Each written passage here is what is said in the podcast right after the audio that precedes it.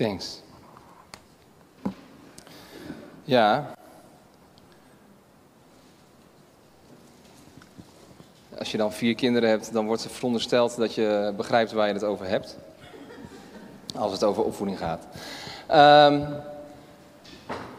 voordat ik ga spreken wil ik even eh, op iets anders de aandacht vestigen.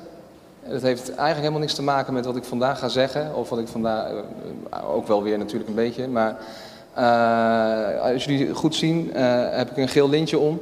Daar wil ik even jullie aandacht op vestigen. Gisteren was het Wereldsuïcidepreventiedag.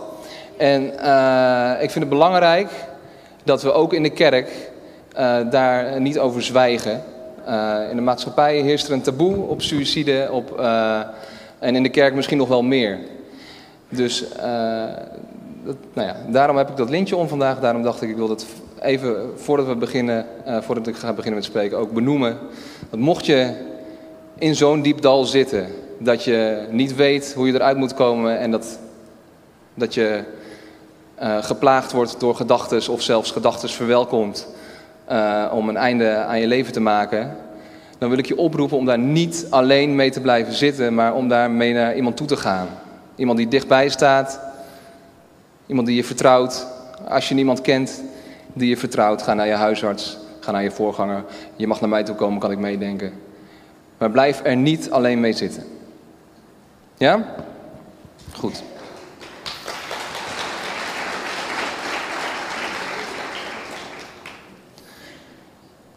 Nou, Nienke heeft het al gezegd. Het thema is geloof in het gezin. En toen ik daarover nadacht, uh, dacht ik, ja, dan moet ik het over opvoeden hebben. Want uh, ja, ik ben vader van een aantal kinderen en ik zie het primair als mijn taak om mijn kinderen op te voeden. En daar heb ik dus al veel en intensief over nagedacht. Maar ik wil het vandaag niet hebben over hoe je je kinderen opvoedt. Dus we gaan geen zeven stappen tot het weiden van godvruchtige schaapjes doornemen met elkaar. Maar ik wil het hebben over waarom is die opvoeding dan noodzakelijk. Want ik geloof dat we dat in deze tijd voor een groot deel vergeten zijn. En de titel van mijn boodschap is God voedt ons op. Ik zet even dit ding een beetje schuin, want dan kan ik ook een beetje naar jullie kijken. Zo, Hoppa. Ik hoop niet dat de camera's daar in verwarring van raken. God voedt ons op. En als ik zie in de tijd waar onze eigen kinderen nu in opgroeien, dan is het, lijkt het alweer zoveel verwarrender te zijn als toen ik zelf 25 jaar geleden de puberteit instruikelde. Ik zie dat we nog meer afraken van wat God voor ons bedacht heeft. En dat zie, denk ik te zien hè, aan de mate waarin het eigen ik en de korte termijnbevrediging van onze, af, van onze verlangens wordt verafgoot. De individualisering die steeds verder gaat. De steeds luider wordende roep op het recht op zelfbeschikking over leven en dood. En ik merk het als ik in gesprek ben met jongeren over de invloed van influencers die mooie auto's hebben of een dik huis en die dan vertellen wat het betekent om een man te zijn. Dat je geluk kunt afdwingen en dat lijden voor losers is. En toevallig, als je een beetje het nieuws gevolgd hebt, dan weet je dat er weer een, een, een, zo'n nieuwe influencer heel populair is de afgelopen maanden. En in een artikel dat ik daarover las, stond dat de moderne man moreel, filosofisch en spiritueel bankroet is. Dat las ik in een seculier weekblad. En ik dacht, nou als ze het daar ook al begrepen hebben, dan is het wel heel ernstig gesteld met deze tijd. En als ze 2600 jaar geleden weekbladen gehad hadden, dan had het er misschien zo gestaan zoals Ezekiel destijds namens God sprak. In Ezekiel 34 vers 8 staat, mijn schapen zijn een prooi geworden van de wilde dieren en worden opgegeten. Dat komt doordat er geen herder is, want mijn herders zorgen niet voor de schapen. Ze zorgen alleen maar voor zichzelf. Het is verwarrend om in deze tijd op te groeien, zonder morele, filosofische of spirituele grond om op te staan. En ik denk dat we als mensen stuurloos zijn en proberen ons vast te houden aan wat wij geloven wat waar is.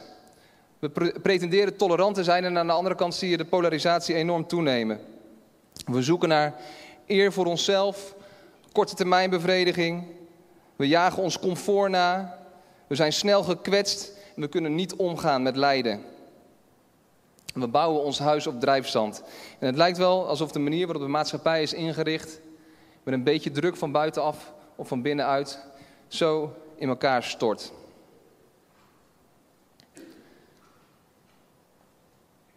En wat je om je heen in het groot ziet gebeuren, dat zien we thuis ook in het klein. Hebben nou een aantal keer meegemaakt dat we onze zoon aanspraken op iets wat hij gedaan had wat echt niet door de beugel kon. Dat hij zei, zo ben ik gewoon. Hij is acht, hè? Zo ben ik gewoon. Ik mag van jullie helemaal niet mezelf zijn. En daar kun je om lachen. Maar volgens mij is dat een prachtige demonstratie van de natuur van de mens. En de manier waarop dat in deze tijd zichtbaar wordt. We willen allemaal heel graag zijn wie we denken dat we zijn. We willen vooral ons zuiverste zelf zijn. Zelfactualisatie heet dat. En hoewel ik inderdaad geloof dat onze kinderen op een bepaalde manier gewoon zijn zoals ze zijn, betekent dat niet dat ik geloof dat ze ook zo moeten blijven. Als ouders hebben wij een hoger doel voor onze kinderen voor ogen dan dat ze blijven zoals ze zijn. Dat is ook de directe vertaling van het woord opvoeden vanuit het Engels. In het Engels is kinderen opvoeden to raise up children. Om ze op een hoger plan te brengen, hoger op te brengen. En ik geloof, zoals wij dat voor onze eigen kinderen voor ogen hebben, dat God dat ook voor ons bestemd heeft. En ik geloof dat God ons allemaal uitnodigt om, om het maar even zo te zeggen, in transitie te gaan. Volgens mij is het een bittere noodzaak dat we ons laten opvoeden door de Heere God. Maar om dat te kunnen accepteren, hebben we allereerst een beter begrip nodig van de liefde van God voor ons. En als we de Bijbel lezen, als we hem goed lezen, dan weten we dat God ons gemaakt heeft met als enige doel om Zijn perfecte liefde aan ons te geven. We denken vaak dat het andersom is, hè, dat God onze liefde nodig is als een of andere moeder met een lege nestsyndroom die verdrietig is dat de kinderen de deur uit zijn. Maar God heeft ons helemaal niet nodig om liefde te ontvangen. We geloven namelijk dat God drie in één is. De Vader, Jezus de Zoon en de Heilige Geest. En deze drie ongeschapen wezens hebben elkaar lief. En verheerlijken elkaar op de meest pure en perfecte manier die mogelijk is. We geloven ook dat God eeuwig is. En dat betekent dat deze drie eenheid van die drie personen die elkaar verheerlijken en elkaar lief hebben, al van eeuwigheden terug tot aan de eeuwigheden die nog komen gaan, in perfecte relatie staan met elkaar. Dus om het een beetje oneerbiedig te zeggen, God is voorzien op het gebied van relaties. Er is niets wat jij hem kan geven en wat hij nog niet heeft. En Johannes zegt hier het volgende over. De liefde waar ik het over heb, is dus niet onze liefde voor God, maar Gods liefde voor ons. Omdat Hij zoveel van ons houdt, stuurde Hij zijn zoon. Zijn zoon gaf zijn leven als offer en daar, waardoor wij vergeving voor onze ongehoorzaamheid krijgen. En de Heer Jezus bidt zelf tot zijn vader in Johannes 17, vers 23 en zegt, ik ben één met hen en u bent één met mij. Op diezelfde manier zullen zij één zijn met elkaar. Want dan zullen de mensen moeten toegeven dat u mij gestuurd heeft en dat u net zoveel van hen houdt als van mij. Vader, u heeft hen aan mij gegeven. Ik wil dat ze zijn waar ik ben. Want dan zullen zij de hemelse macht en majesteit zien die u aan mij heeft gegeven. U hield al van mij voordat de wereld bestond. Vanaf voordat de wereld bestond, was die relatie er al. En de Heer Jezus wil dat we zijn waar Hij is, als onderdeel van die gemeenschap van Vader, Zoon en Heilige Geest. En we zijn volgens mij dus bestemd om diezelfde liefde te ontvangen als Jezus voor de Vader heeft en de Vader voor de Zoon en de Heilige Geest voor allebei. En hoe dat allemaal met elkaar als een soort dans uh, van eeuwigheid tot eeuwigheid bestaat. Het spijt me heel erg, maar alles wat ik tot nu toe gezegd, dat geloof ik met heel mijn hart. Maar het gaat mijn verstand te boven. Dit gaat zo diep. Wat mij betreft kan ik stoppen met spreken en dan uh, kunnen we hier gewoon de rest van ons leven over herkouwen. Als je dit tot je door laat dringen. Dat God in al zijn almacht ons heeft uitgekozen van alles wat hij zou kunnen maken en ons het object van zijn liefde gemaakt heeft. Is ongelooflijk. Maar goed, we gaan door. Want ik zou het over opvoeding hebben en ik ben nog niet klaar met de liefde.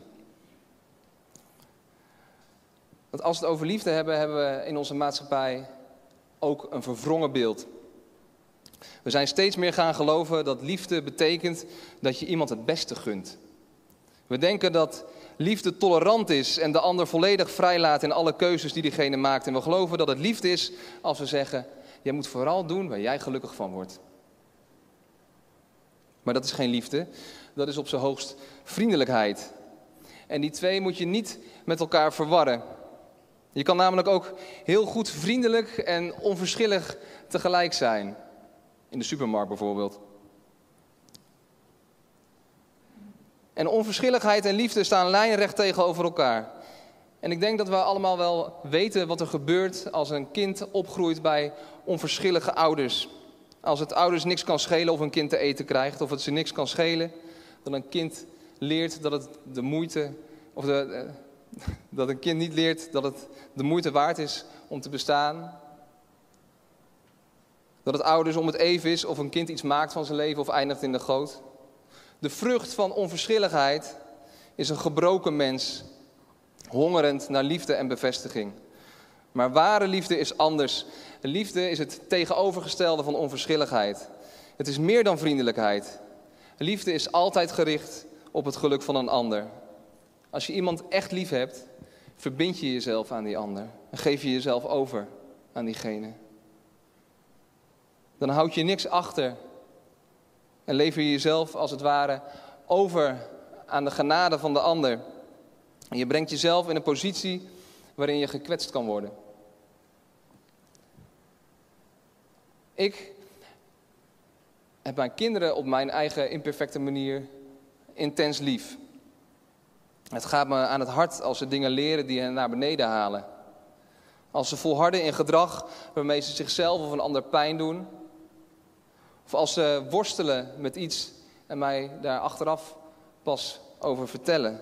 En daarmee mijn troost en mijn nabijheid hebben moeten missen. Dat doet pijn. Dat doet mij pijn als vader. Niet omdat ze mij niet zien voor de vader die ik ben, of dat ze mij geen respect geven door mij de perfecte gehoorzaamheid te onthouden of zo. Het doet me pijn omdat ze niet in staat zijn te ontvangen wat ik voor ze bedoeld heb.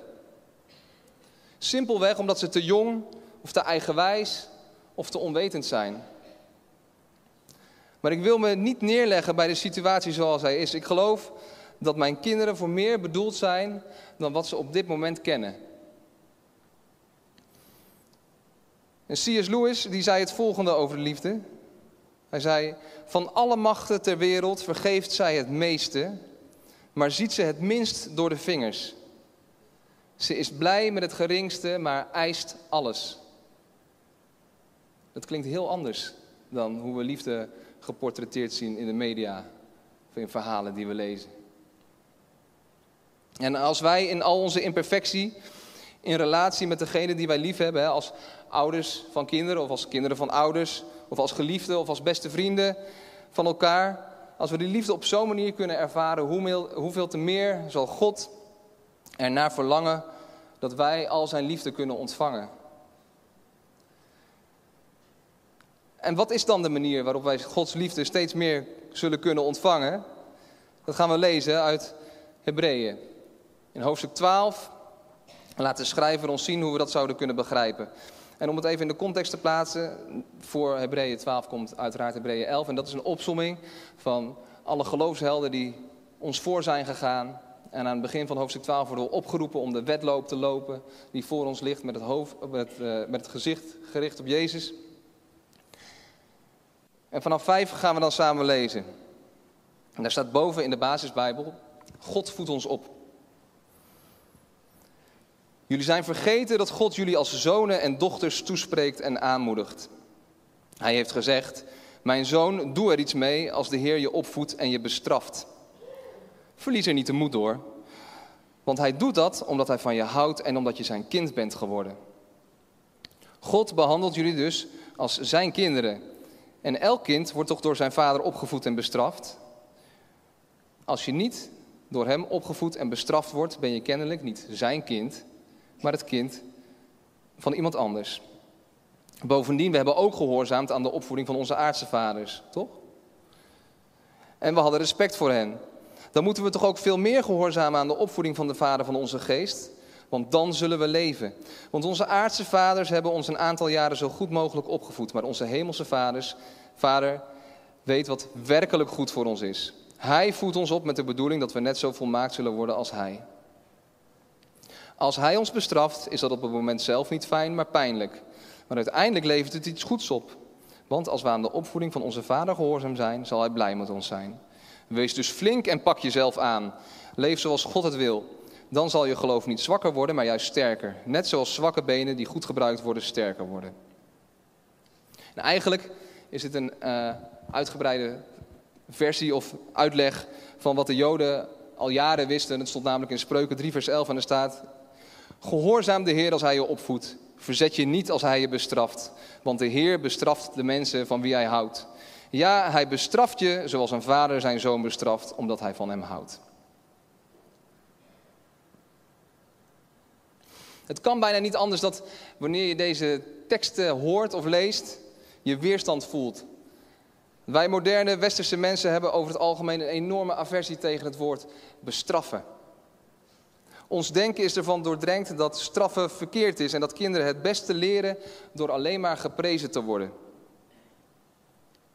Kinderen moeten juist horen wat ze goed doen, niet wat ze verkeerd doen. En in onze maatschappij is iedere neiging, gevoel of gedachte die een kind kan hebben goed, puur en nastrevenswaardig. Daar mogen we als volwassenen niets aan afdoen. We moeten onze kinderen vooral laten ontdekken wie ze zelf zijn en er geen strobreed in de weg leggen. En misschien zie je bij het horen van het woord bestraffen wel beelden voor je van boze aardse vaders of moeders. Ouders die een teleurstelling uitspreken over hun kind. Misschien wel met woorden, maar misschien ook wel versterkt door negeren en kleineren of zelfs fysiek geweld. Misschien zie je je eigen vader of moeder wel voor je. Het is goed mogelijk dat je intens beschadigd bent door de manier waarop je bent opgevoed of misschien nog steeds wordt opgevoed. En dan is het laatste waarop je zit te wachten een God die zegt dat hij straft, dat hij je bestraft. En dan denk ik dat ik goed nieuws voor je heb. Er staat hè, dat onze aardse vaders hun best gedaan hebben, maar dat God weet wat werkelijk goed voor ons is. En net zoals met het woord liefde, denk ik ook dat we als mens tegenwoordig een verkeerd, of in ieder geval een onvolledig beeld hebben van wat het woord bestraffen nou precies betekent. En als je in de studiebijbel leest bij Hebreeën, uh, bij die tekst, dan lees je dat het woord bestraffen mag worden uitgelegd als leren, oefenen en corrigeren. Dus waar wij bestraffen vooral kennen en associëren met iets wat afbreekt, is het bij God altijd iets wat opbouwt. Weet je, laten we nog iets langer stilstaan bij dat bestraffen. Want ik geloof dat we van binnen nog misschien wel meer kinderen zijn als dat we eigenlijk zouden willen toegeven. En dat heel veel van jullie hier misschien nog met kromme tenen zitten te luisteren. Iedere grens die ik aan mijn kinderen geef, wordt door hen in eerste instantie als een straf ervaren. Ik weet dat ik mijn kinderen oprecht pijn doe als ik ze na 30 minuten beeldscherm laat stoppen met kijken. In plaats van dat ik ze laat kijken zolang als dat ze zelf zouden willen. En als ik mijn kinderen geen grenzen zou geven, zouden ze misschien wel een pan met kokend water over zichzelf hebben heen getrokken. Of een broertje van de trap afgeduwd hebben. Of vriendschappen verloren hebben.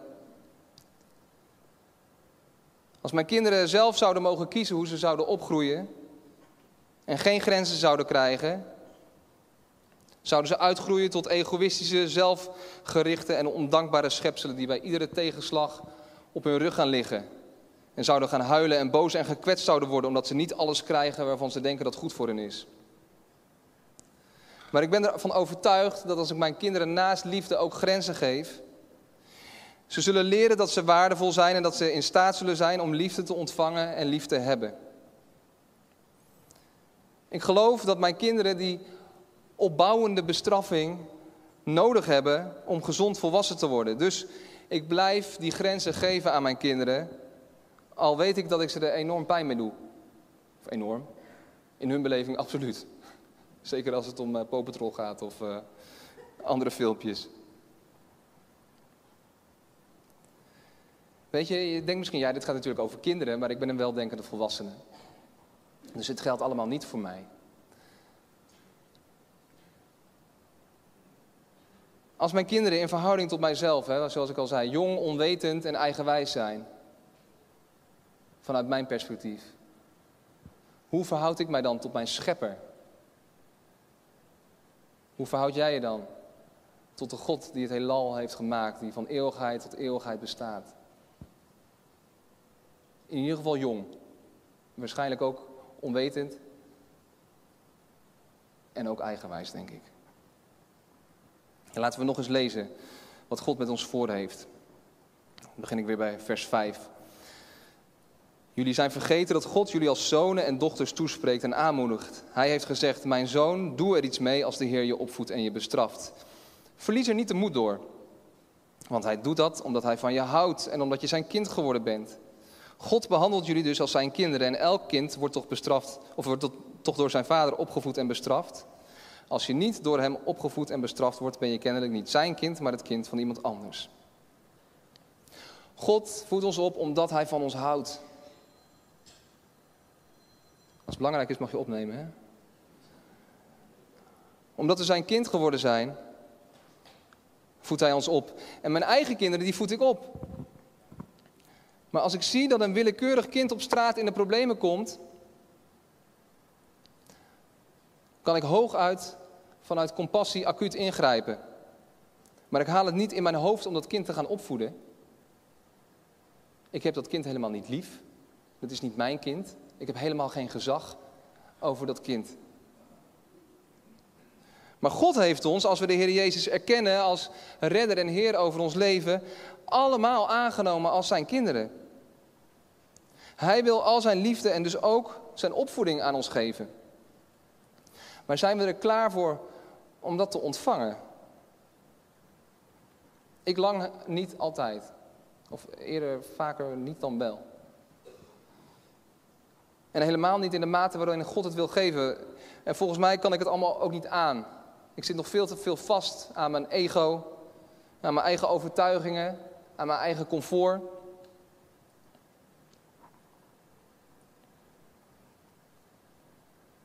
Laten we trouwens het verhaal ook even in het goede perspectief zien. Hè? Want ik heb het over opvoeden. En om opgevoed te worden, moet je eerst geboren zijn. En dat betekent, in de Bijbel vertelt ons hè, dat als we opnieuw geboren worden, dan hebben we de Heer Jezus aangenomen als onze redder en Heer. En op dat moment begint je nieuwe leven. En dan gaat hij ons voeden, eerst met melk en dan met vast voedsel. Maar sommigen van ons blijven heel lang aan die borst hangen. En volgens mij is het Gods verlangen dat we groeien, dat we krachtige, volwassen, gezonde mensen worden.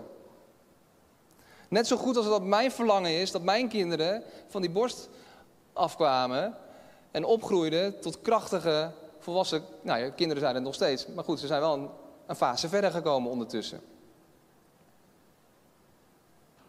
Ik gun het mijn kinderen dat ze het leven aankunnen en dat ze regeren over het grondgebied wat God ze geeft. Dat is nu nog heel klein. Ook voor een groot deel onder mijn verantwoordelijkheid, maar als ze straks volwassen zijn, dan ben ik heel nieuwsgierig naar wat God ze gaat geven. Ik wens mijn kinderen toe dat ze het leven leren dragen en dat ze niet gekwetst zijn als hun gevoel van comfort wordt aangetast. Dat hun geloof niet wankelt bij tegenslag. Dat ze niet verkruimelen onder de druk of het lijden die het leven soms kan geven, maar stand houden. En eerlijk gezegd gun ik mezelf dat ook. En ik weet dat God het voor mij heeft weggelegd. En ik wil graag ontvangen wat Hij voor mij heeft. Ik denk dat jullie dat ook willen. En als we verder lezen, zien we dat God een belofte verbindt aan wat er gebeurt als wij Hem gehoorzamen. Vanaf vers 9 staat dan bovendien, we hebben ook gehoorzaamd aan de opvoeding van onze aardse vaders. En we hadden respect voor hen. Daar, dan moeten we toch nog veel meer gehoorzamen aan de opvoeding van onze vader, van onze geest.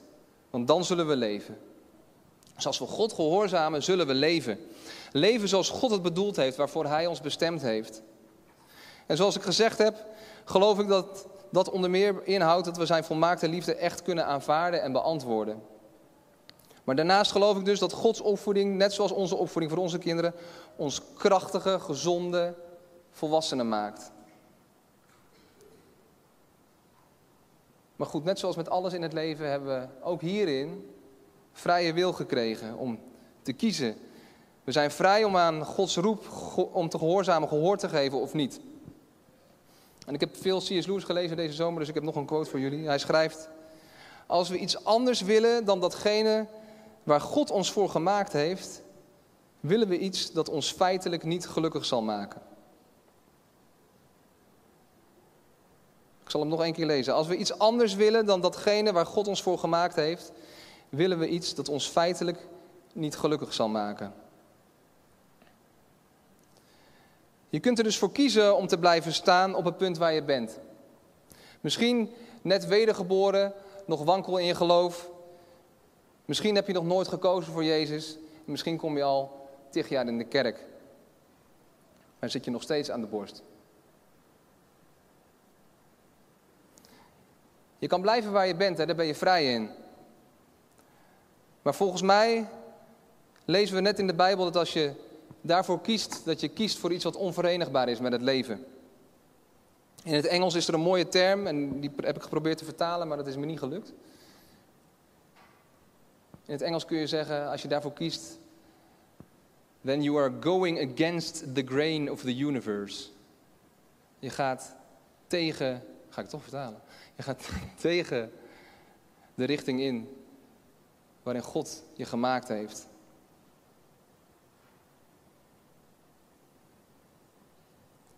Je zou kunnen zeggen dat je dan God verlaten bent. En als we de term God verlaten horen, denken we vaak, ja, dat zijn mensen die verlaten zijn door God. Maar volgens mij zijn dat mensen die God hebben verlaten. Dus als je een God verlaten leven leeft, dan is vandaag de kans om je om te keren.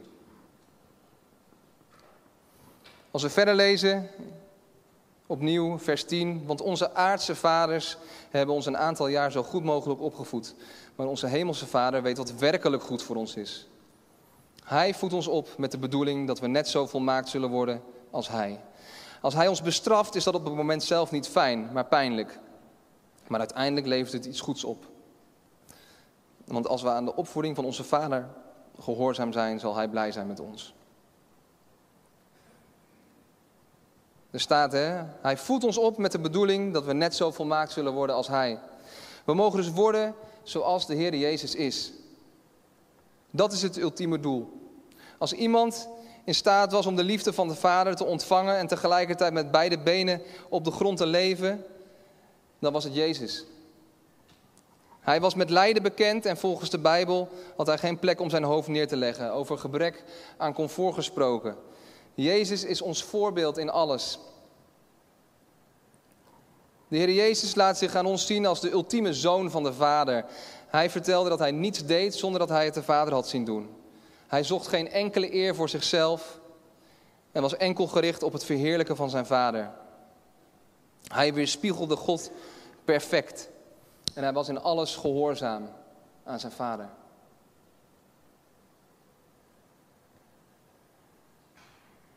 Dat is op talloze plekken mooi geïllustreerd, maar nergens zo mooi als het moment dat Jezus in de tuin van Gethsemane aan het bidden is. Vlak voordat hij gekruisigd gaat worden. In Lucas 22, vers 41 staat: Hij knielde neer en begon te bidden.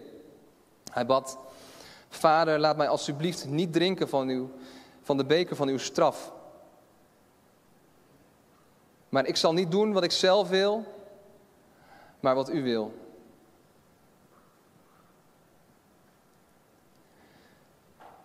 Dit is zo'n prachtig en tegelijkertijd ontzagwekkend voorbeeld van wat het betekent om echt, echt een zoon van de Vader te zijn. Dit is wat het betekent om te worden zoals Jezus is. Dat we ondanks lijden en vervolging, ondanks gebrek aan comfort, ondanks gebrek aan erkenning voor hoe hard we ons best doen, ondanks gebrek aan korte termijn bevrediging, God gehoorzamen. Voor de Heer Jezus was de liefde van zijn Vader voldoende. En we weten ook dat de Heer Jezus uiteindelijk in de ultieme daad van liefde en gehoorzaamheid voor onze ongerechtigheid aan het kruis gestorven is.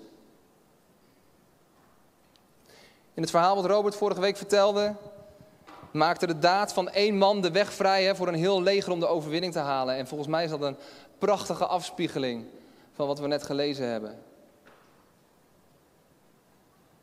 Jezus maakt door zijn gehoorzaamheid de weg naar God vrij.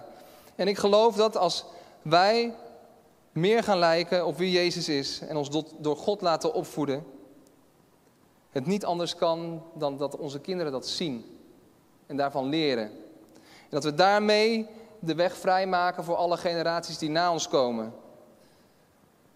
Dat onze kinderen en de mensen om ons heen kunnen opgroeien tot gezonde, krachtige volwassenen in het geloof. Als het dan gaat om geloof in je gezin, dan is dit de basis. Geloof in je gezin begint met ouders die God zoeken, zijn liefde willen ontvangen en hem willen gehoorzamen. En als ik dit overdenk, wordt de titel van mijn preek, of de titel die boven dit Bijbelstuk stond, ineens een uitroep. En dan zeg ik: God, voed ons op. Wilt u mij maken, meer nog dan nu, tot wie de Heer Jezus was?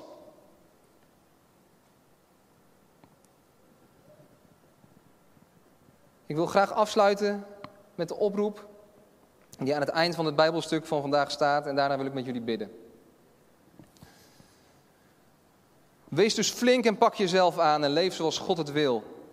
Dan zal je geloof niet zwakker worden, maar juist sterker. Net zoals zwakke benen die goed gebruikt worden, sterker worden.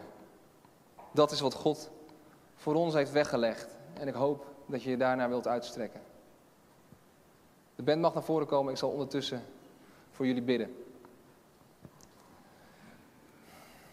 Heere God, Almachtige Vader,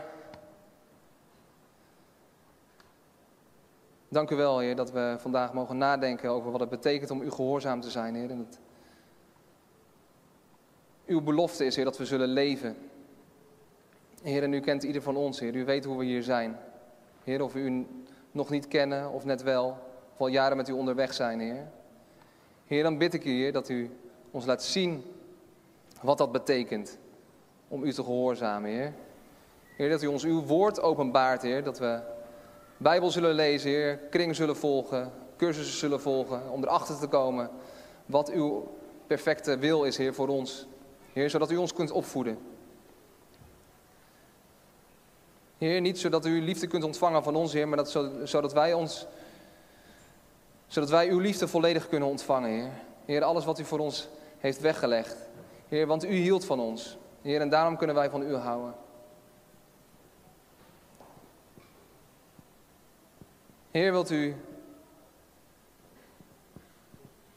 ons troosten, Heer, als we gekwetst zijn, Heer, door de opvoeding die we zelf genoten hebben. Heer, wilt u ons heel maken, Heer, en wilt u laten zien, Heer, wat het betekent, Heer, dat u een goede vader bent. Heer, dat u de vader bent van de schepping. Heer, dat u trouw bent. Heer, dat u alleen maar liefde bent, Heer. Heer, we willen aan uw roep gehoorzamen en verder met u onderweg. In Jezus' naam. Amen.